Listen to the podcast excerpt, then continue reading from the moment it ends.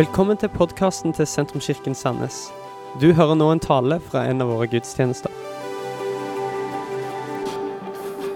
Du, Denne serien som vi begynner på nå, den er, har vi valgt å kalle for 'Skapt for'. Og Det gode livet det er knytta opp mot det som er meningsfullt. Det vil i det lange løp være veldig vanskelig å leve gode, meningsløse liv. Smak litt på det. Mitt liv er skikkelig godt, og det er skikkelig meningsløst. Eh, For eh, der en finner mening, der eh, finner en òg det som er godt. Og jeg vil si det òg fra begynnelsen, at formål og mening det er ikke noe som vi kan skape. For, og der, er der, der, kan, der skiller vi oss kanskje litt som mennesker ut ifra hvilket livssyn en har. Eh, det er ikke noe som vi kan skape for oss sjøl, vil jeg si. Mening er ikke noe et menneske skaper. Eh, ja, jeg vil gjøre dette meningsfullt, og så tar en en hvilken som helst ting og prøver å gjøre det til noe som er meningsfullt, og sier dette er meningen med livet. Mening det er noe som vi oppdager. Vi, vi graver, og vi Oi! Og så finner en noe som eh, det som er meningsfullt, og det som, som gir mening, og som gir eh, glede. I denne serien så vil vi se på hva som gjør livet meningsfullt ut ifra skapelsesberetningen. Det som, som eh, De første kapitlene av Bibelen, det som Gud har lagt ned i mennesket. For Gud former mennesket, og han former mennesket med et formål. Og Det er viktig for at den som tror på Gud, forstår det. Og Det er litt press mot dette òg i dagens eh, samfunn. Kanskje det ypperste formålet eh, for mennesket det er å ære Gud med livet sitt. Å gjenspeile Gud, elske Gud, ha fellesskap med Gud. Men så er det òg hensikt, formål og mening for livet vårt her på jorda, hvordan vi skal leve. Gud har en tanke med hvordan et menneske skal leve, og hva et menneske skal gjøre. Derfor tenker jeg at dette er viktig. Jeg leste en Twitter-tråd for eh, en liten stund tilbake. Der eh, der var en eh, ganske kjent amerikansk ateist som spurte my fellow atheist friends Hva gir deres liv mening? Eh, og Jeg syns det var et, interessant utgangspunkt, eh, så jeg leste meg ned over svarene. Det var en eh, person med ganske mange følgere av dette, så det var ganske mange svar. Og Jeg leste ganske mange av de, ikke alle sammen. det hadde jeg ikke tid til. Men det var noen ting som gikk igjen hele tida. Det handla om relasjoner, ekteskap, familie, ektefelle, barn. Det handler om vennskap, det handler om arbeid. Det handler faktisk om dyr, om friluftsliv og miljø. Det handler om å jobbe. Og det var flere som hadde dette med å jobbe med jorda, det å få noe til å blomstre, være på en måte en, en, en gartner, forvaltning. Eh, og eh, faktum er det at det, det var, dette var alle svarene. Det, eh, det var ingenting som veik vekk ifra disse tingene her. Og Det er de samme tingene som utgangspunkt for denne serien som vi skal ha i mars. Skapt for. Eh, For akkurat disse tingene som de amerikanske ateistene i denne Twitter-tråden var enige om, gjorde livet meningsfullt. Det er akkurat det samme som du finner i skapelsesberetningen, de første kapitlene av, eh, av Bibelen. Det handler om det som gjør livet vårt eh, meningsfullt, det som gjør oss på sikt lykkelige. Det å være sammen med andre, det å jobbe og, og hvile. Det er å forme forpliktende fellesskap. Det er å ha et forhold til dyr og til miljø. Det er til å jobbe med jorda, og det er til å forvalte. Gud har skapt oss med et formål. Vi ønsker å sette fokus på det som gjør livet meningsfullt, og så vil vi peke tilbake igjen på Gud. Hva er vi skapt for? Du kan, Hvis du har med Bibelen, så kan du slå opp i det første kapittelet av første Mosebok og gå til vers 26. Og så skal vi lese vers 26, 27 og 28.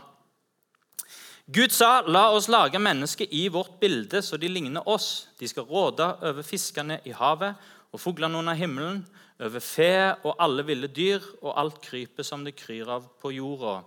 Gud skapte mennesket i sitt bilde. I Guds bilde skapte han det, som mann og kvinne skapte han dem. Gud velsigna de og sa til de, vær fruktbare, bli mange, fyll jorda og legg den under dere. Og Jeg har lyst til å hente fram egentlig Overskriften for denne talen er 'Skapt for å bli mange'. Eh, og Det er et, eh, et hovedtema i denne teksten. her, Men hva er vi skapt for? Eh, det første som vi ser her i denne teksten, er at vi er skapt for å råde over jorda. Når skapelsesberetningen ble nedtegnet, var det fortsatt veldig mange sånne hvite, blanke områder på kartet. Det er ikke så veldig mange igjen av de nå. Eh, men fortsatt så kan vi kjenne som mennesker på det der, eh, ha det der i kroppen. Opplevelsen av å oppdage. Den opplevelsen det, eh, det gjør å finne noe som føles uoppdaget. Sånn var min opplevelse når jeg kom til Makedonia første gangen. Selv om det bor 2,2 millioner mennesker der, så følte jeg jeg hadde oppdaget en plass som ingen andre visste om. Og gjorde den til min. Eh, det å, å, oppdage land, det å gjøre det til sitt, det å kjøpe land den, eh, Bare opplevelsen av å få sitt første hjem denne lille, ja, nå kan du si Det første hjemmet som jeg, eh, som jeg kjøpte meg, meg og Vestner kjøpte oss, det var jo en leilighet i et sameie, så det var ikke så mye land akkurat der. Men vi flytta til Gandal og fikk en liten hageflekk. Og dette er mitt! Her, dette er mitt land. Å oppdage land og eie land og tilhøre landet. Først vår lille flekk, der en kanskje får seg et lite hus. Så den nasjonen og det området som en tilhører. Når jeg er lenge vekke fra Norge, så jeg lengter hjem til ikke bare brunost, men det er noe med fjellet og det er noe med landet. Til med, og Av og til når en er i andre deler av Norge hvor det ikke regner, så ta meg hjem til Rogaland, hvor det er litt skikkelig regn. Eh, for vi har, vi har tilhørighet til, til, til, landet.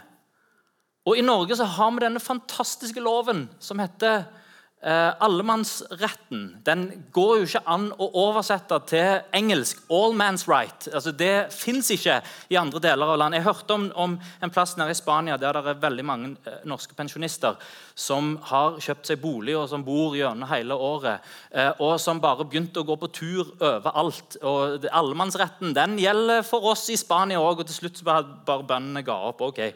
Eh, gå hvor dere vil. Verden er vår tumleplass. Under treet mitt denne, eh, denne, julen så var en av de kjekkeste gavene det var boka 'Hemmelige hytter'. Eh, hva er konseptet i hemmelige hytter?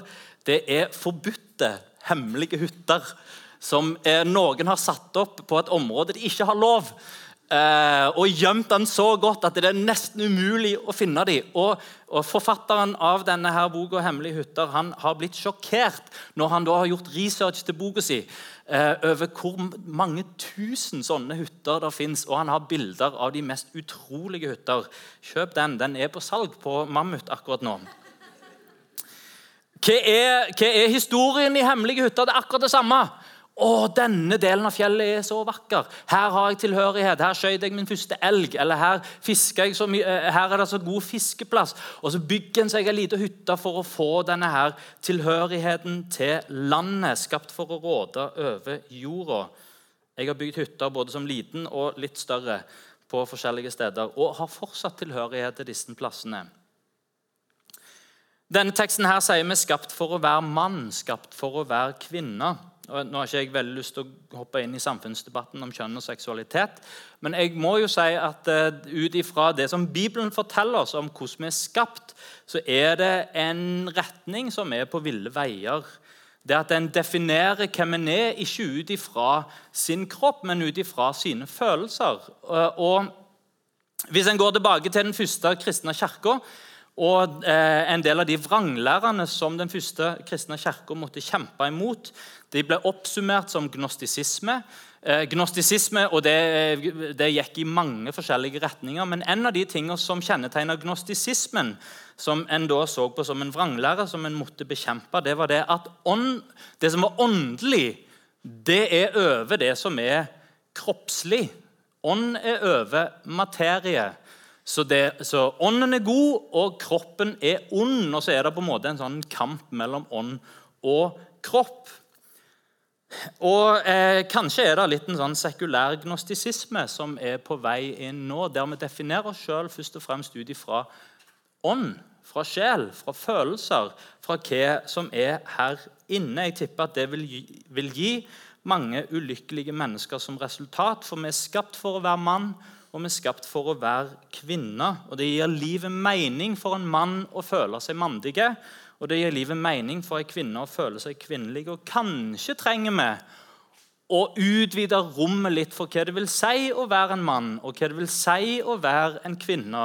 Og at Vi må ikke alltid passe inn stereotypene for hva det vil si å være mann og hva det vil si å være dame. De blir kanskje trangere og trangere. Men nå er ikke dette hovedpoenget. Det er bare fordi det står her. Gud har skapt oss i sitt bilde, og han har skapt oss til mann og til dame. Og sammen så uttrykker det hvem Gud er.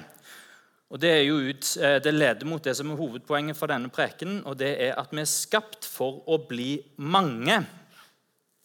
Velsigna av Gud til å reprodusere, til å være fruktbar, til å multiplisere seg sjøl og før at du stenger av ørene og tenker at dette handler bare om å være mor og far Det gjør det, men det gjør ikke bare det. Det handler om mer ikke stenge av ørene.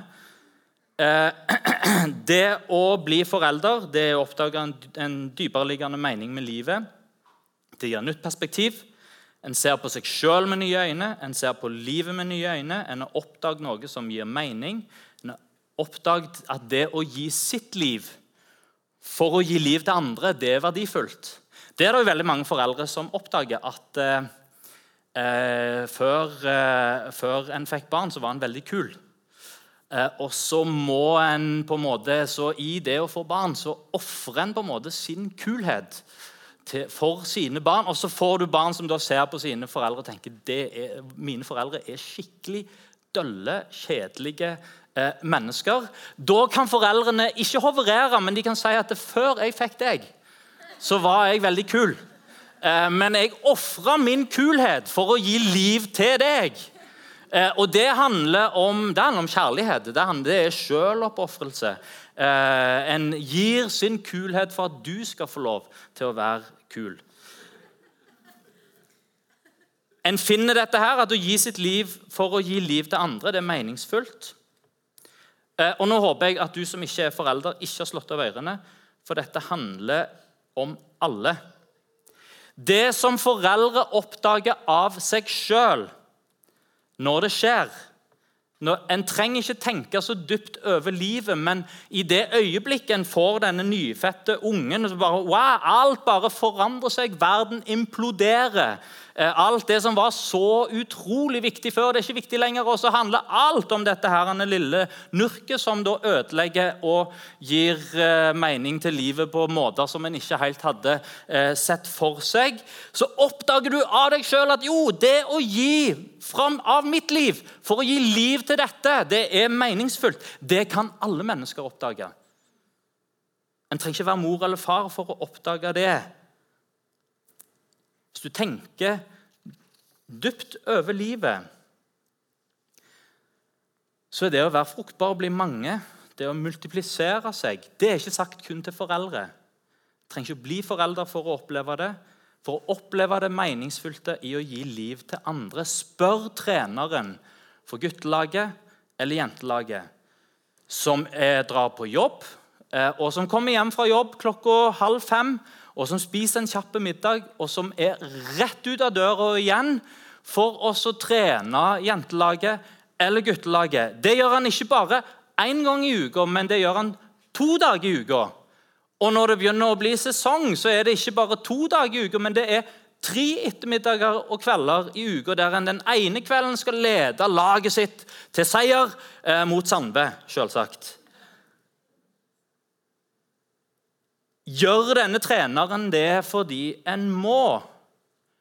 Denne personen som selv har vært, en aktiv idrettsutøver, har vært en aktiv fotballspiller, som selv, kanskje ikke lenger selv har tid til å spille fotball eller drive aktivt med idrett, men som den har jo oppdaget et eller annet.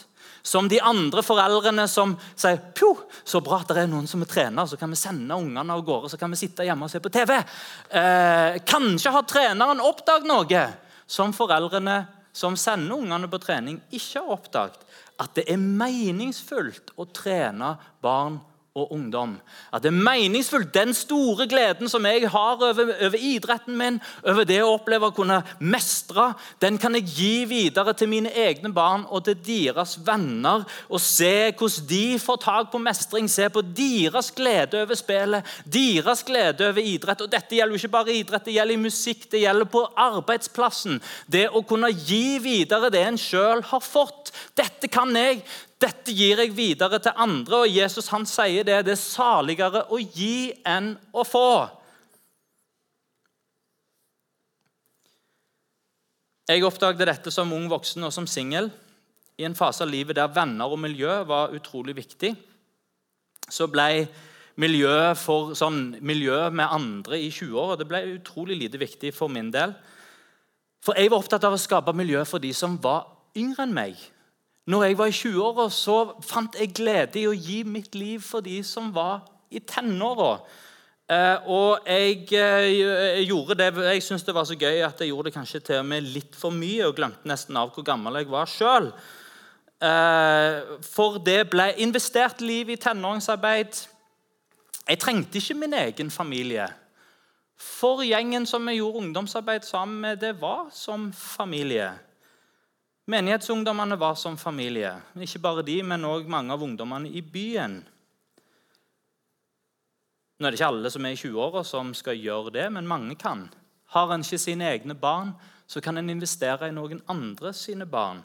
Gjennom yrket sitt så kan en investere i noen som er yngre arbeidstakere. Det kan være i idrett, det kan være i kirke, det kan være i organisasjonsliv, det kan være i nabolaget, det kan være i familie og i utvida familie. Det går an å være den der, eh, den der favorittonkelen og den favorittanta. En kan til og med engasjere seg som fadder. Gi til andre, multipliser deg sjøl. Til deg som er singel, jeg har egentlig lyst til å ha en egen preken som sier at det å gifte seg ikke er den eneste veien til et meningsfullt liv. Single har akkurat den samme forutsetningen for å leve meningsfullt, gode eh, liv som det gifte har. Kanskje den største eh, giften for den som er singel, og som dreper mening og som dreper glede, det er å sammenligne seg med de som ikke er single. Sammenligne livet sitt opp mot de andre.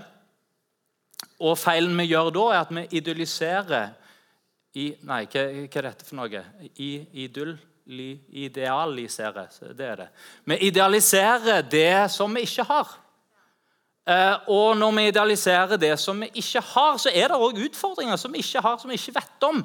Og så sammenligner vi en sitt eget liv mot et idealbilde som sannsynligvis ikke er sant, og som gjør det vanskeligere kanskje òg i framtida. I Kirka har vi gjort en stor synd mot de som er single, ved å løfte fram ekteskap og familie som det eneste meningsfulle og idealet som alle må strekke seg etter. Her er noe jeg gjorde når jeg var singel. Uh, og jeg må si det at Livet som singel var fantastisk. og Det er ikke for å uh, på noen som helst måte trykke ned familien som, og kona og ungene. Uh, men alle, alle, alle hva skal si, faser av livet har sine Eh, har jo sine eh, gode ting. Jeg kan forstå Paulus som sier 'gjør som meg' og forbli singel. Eh, hva gjorde jeg for noe? Jeg bodde i kollektiv i stedet for å bo alene. Jeg ble involvert med en familie hvor en kunne trø inn i deres hjem. Jeg investerte mitt overskudd i å tjene andre mennesker. Og jeg var med på å skape og ble med i et forpliktende fellesskap. Jeg tror den største tabben som single gjør, det er å dyrke uavhengighet. gjør det vanskeligere å justere seg på et annet menneske. Skapt for å være, bli mange. Vi er så eh, det, det, Dette for få med alle. altså Dette er noe som vi alle kan være med på. Men så er vi òg skapt for å bli foreldre, for å være mor og for å være far. Det ligger i oss som mennesker fra skapelsen av. Om du blir far, om du blir mor, da er den rollen i særstilling når det gjelder å finne mening, fordi dette er du skapt for. Jeg har hørt foreldre som sier at de vil ikke være med i barnearbeidet, for de har ikke kall til barn. Da tenker jeg at de burde kanskje ikke fått barn, for eh, i det øyeblikket en har fått barn, så har han jo kall til barn. Det er å være med å gi liv til neste generasjon. Ligger i hvem en er som menneske. Jeg er en far, jeg er en mor. Det er helt på toppen der av hva en er som et menneske. Og jeg har lyst til å gi et ord til fedrene. Skapt for å være far. Kanskje si noe som en ikke får høre så mange andre steder. Til den som har blitt far. Og det er kanskje en rolle som nedvurderes for mange menn til fordel for andre, kanskje viktigere ting. Eh, John Gray, som har skrevet boka uh, 'The Boy Crisis', han drar fram hva som er eh, hva som eh, ISIS-soldater og drapsmenn fra skoleskytinger hva de har felles, selv om en er fra totalt forskjellige deler av verden, fra den tredje verden, muslimske verden, og så fra USA. Jo, Det som er felles for ISIS-soldater og drapsmenn fra skoleskytinger, det er fraværende fedre. Det er ikke sånn at det, fra, det å ha en fraværende far er, er sånn at ja, da blir du automatisk med i ISIS. Eh, men det å ha en far som er til stede Fedre er viktige, og det å ha en nærværende far det er en utrolig hjelp i å etablere tilhørighet og til å finne sin plass i verden. Og det gir en trygg identitet. John Gray i denne boka 'The Boy Crisis' eh, sier at 85% av fengsla amerikanere vokste opp uten en tilstedeværende far. I USA er det lett å tenke at kriminalitet det henger sammen med, først og fremst med fattigdom. Men når en dykker ned i tallmaterialet og i statistikken, så er det ikke økonomi som er den avgjørende faktoren for ungdom som havner i kriminelle miljø, og som til slutt havner i fengsel. Det som er felles, det er fraværende fedre. Det å ha nærværende fedre det er ifølge John Gray har en positiv effekt på skoleresultater, på intelligensen, på det at en fullfører skolen. Det har en positiv effekt på hvordan en forholder seg til stoff, om en klarer å få seg sitt eget hjem. Det handler eh, positiv effekt på mobbing, både om en blir en mobber eller om en blir mobba, i forhold til å ha en offerrolle, voldskriminalitet, fattigdom, sosial mobilitet til med høyt blodtrykk, evnen til å stole på andre mennesker og evnen til å utvikle empati. Det er en voldsomme liste over ting som fedre er med, nærværende fedre er med og har påvirkning for. Det er en voldsom liste for den som kanskje vokste opp uten en nærværende far òg. Og dette er statistikk på metanivå. Det handler ikke om at det, hvis en har opplevd det, så, så må det bli sånn. Men det lista kan lære oss, er at en trofast nærvær fra en far det er utrolig viktig. Kanskje mye viktigere enn mange fedre tenker på. Når jeg går mot avslutning her, så, så hadde jeg lyst til å løfte fram tre enkle ting. Er du blitt en far, så slutter du aldri å være far. Eh, om barnet blir voksne, du er fortsatt far. Når barna får barn, du er ikke bare bestefar, men du er fortsatt far. Det er en rolle som er viktig når barn er små, og det er en rolle som er viktig når barn blir voksne. Er du blitt far, så glem ikke å være en nærværende far.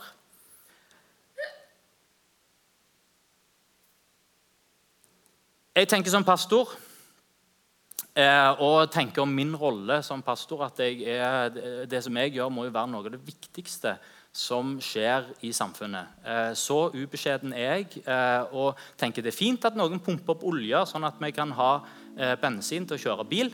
Det er fint at, at ja, har liksom forskjellige yrker, men jeg er pastor. Og det er viktig! Og ser på min rolle som utrolig viktige. Eh, og kan fort være frista til å være kategoriske og liksom løfte det opp over alt annet som jeg gjør. Men når jeg tenker dypere på livet, så er det ikke det å ha suksess i mitt yrke som er det viktigste. Jeg vil ikke glemme å være en nærværende far. Jeg vil ikke mislykkes som far og lykkes i mitt yrke. Trofast nærvær er det viktige. Kvantitet er viktigere enn kvalitet. og Det tror jeg er noe som vi lurer oss sjøl litt med i vårt moderne samfunn. At vi vil ha kvalitetstid. Fordi vi har så dårlig tid, og det er så mange ting vi skal gjøre, så blir kvalitetstid så viktig. Og det blir kvaliteten med den tida som vi bruker sammen, som er det springende punktet. Mens det som en kan gjøre når en har fått barn, det er å gi kvantitet og være til stede. Tenk for et privilegium og få lov til å være sammen med sine barn. Gi dem en trygg base, og en god utdannelse for livet. Skape den trygge hjemmebasen og investere i seg sjøl, inn i de. Våre besteforeldre, eller Mine besteforeldre ble fortalt av kulturen og av omgivelsene hva som var meninga med deres liv. Min farfar han var, en klassiske, han, han var klassiske for sin tid. Han arbeidet på den lokale fabrikken, og han forsørga familien. Og For min farfar og hans generasjon så var han opplært til å gi sitt liv for familien. Min farfar han var opptatt av friluftsliv og fiske og ski. Når han fikk seg familie, så var det ikke noe mer friluftsliv, fiske og ski. Da var det én ting. Det var familien. Så var det å gå på arbeid, og så var det å forsørge, og så var det å være en helt for familien, gi sitt liv for familien. Og Han levde et menings, meningsfullt liv uten å måtte gå på fjellet og stå på ski og, gå og fiske. For han kunne jobbe, og han kunne fikse, og han, altså ikke fiske, men fikse, eh, og gjøre det for sin familie. Min farfar var en forsørger og en beskytter. Ofra det som var viktig for han for å kunne gi sitt beste for familien. Og så er dette oppskriften på hva det er å være en mann. Og så har jeg lyst til å si et lite varsko. For hvis menn i dag følger den gamle oppskriften som passet for farfar En ofrer seg for familien, en er en forsørger og en beskytter. Så står en i fare for å bli fraværende fedre. Så mister de en vil gjøre alt for. For farsrollen er i stor endring. Og det er andre ting som en spør etter i vår tid, enn bare å være en helt som forsørger og som fikser, og som, som, som, setter mat på bordet og et hus å bo i. Verden etterspør fedre som kan være både oppdragere og koblere. Og Det har jeg lyst til å oppmuntre oss til til slutt. Er du blitt far, så gi barna ditt beste.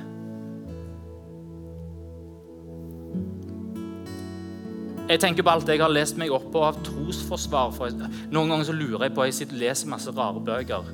Uh, og så vet jeg at hvis jeg drar fram disse tingene i prekener, så er det ingen som er interessert i det. Uh, men jeg fortsetter å lese disse bøkene, for jeg må finne ut av ting. Lurer av og til, Hvorfor i alle dager må jeg finne ut av alle disse tingene? Hva er så viktig med dette? Og så oppdager jeg nå når min egen datter har begynt å bli 11 og nærmer seg mot 12 og kommer og har masse spørsmål om ting og ting som hun går og lurer på, så går det opp for meg. Ja, men det er jo derfor. Jeg har jo lest alle disse rare bøkene om interessant Og vi sitter og har kjempeinteressante samtaler. Og tenkte, å ja, det er derfor. Jeg vil gi mitt beste. Hoppy om menigheten er interessert i dette, men dattera mi er interessert. Jeg vil gi mitt beste til de som kommer etter.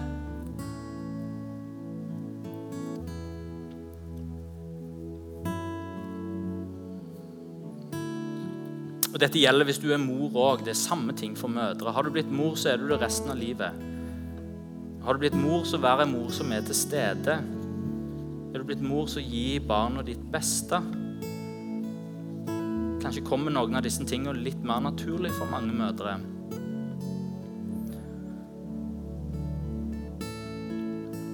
Vi lever i en annen tid. det som kreves av oss For det er vanskelig. Vi vet hva som er en vet ikke, alt dette, det, Jeg har ikke sagt noe nytt her. Det er ingenting sånn revolusjonerende. 'Å ja, det forandrer livet mitt.' Eh, her er det mye selvfølgeligheter som en kan linke inn i Bibelen.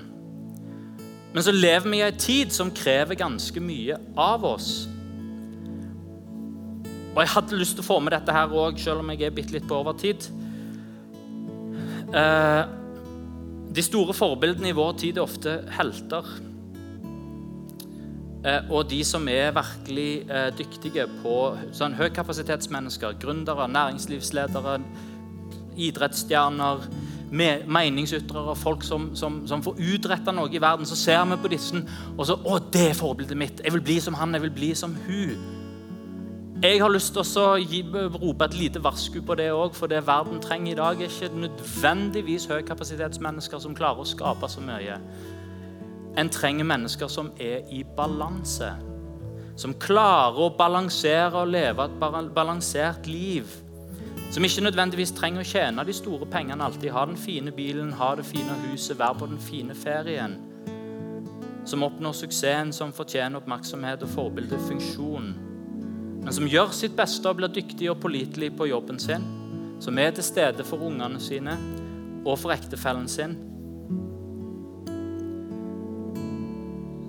Til alle unge helten er ikke eksperten på det feltet som du elsker. Helten er vanlige, kjedelige menn og damer som i vår tid klarer å leve balanserte liv. Som kanskje har overskudd til å gi noe til de rundt seg, som tjener i kirka med talentene sine, som er med å investere i sine egne barn og i deres venner. Som klarer å balansere alle disse rollene som en har, og leve sunne, gode liv.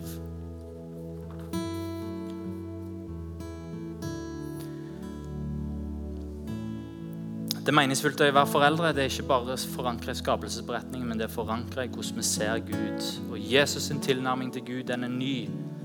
Han sier Gud, han er vår far. Vi kan nærme oss Gud som vår far. Kan vi ta oss og reise oss?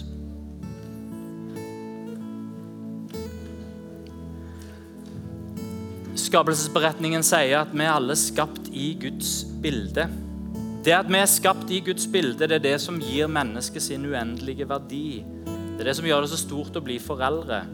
En gir liv til et menneske som er skapt i Guds bilde. Det er det store med mennesket. Vi har et avbilde av Gud.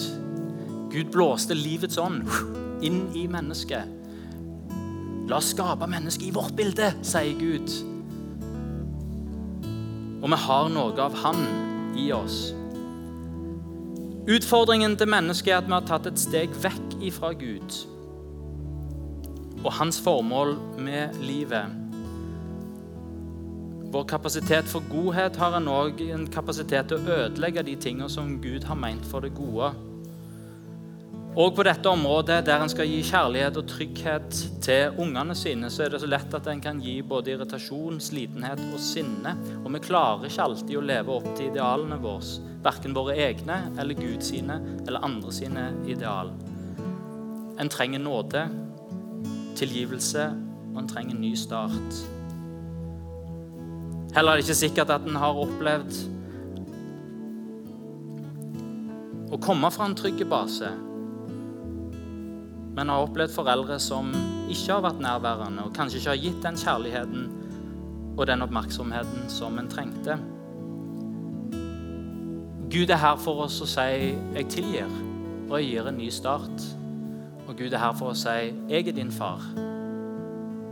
Jeg kan ta den rollen i livet ditt. Han gir tilgivelse, han gir nåde, og han er far for den farløse. Kan vi ta og be sammen? Takk, Herre Jesus, at du er her. Takk at du taler til hjertene våre. Takk at vi kan få erfare deg som en god far. Takk, Herre, at du tilgir, du gir en ny start, og du gir nytt liv. Takk at du gir kjærlighet, Herre, og du gir trygghet, tilhørighet og identitet, Herre. Takk at vi kan få erfare deg som en god far i livet vårt. Takk at du gir oss nåde og kjærlighet som vi kan gi videre. Ber for alle som er foreldre her inne. Ber om at du gir nåde til å gi kjærlighet og trygghet til familien, Herre. Ber for alle som er single, Herre. Ber Herre Jesus om åpenbaring til å se hva en kan bety for andre. Og være med å investere sitt liv inn i andre. Takk at du har skapt oss for å bli mange. Takk at vi kan finne mening i å gi livet vårt for andre. I Jesu navn. Dette var slutten på denne talen. Håper du har blitt inspirert. Om du har lyst til å vite mer om hvem vi er, eller hva vi gjør, eller har lyst til å høre flere podkaster, så kan du besøke vår nettside sentrums.no.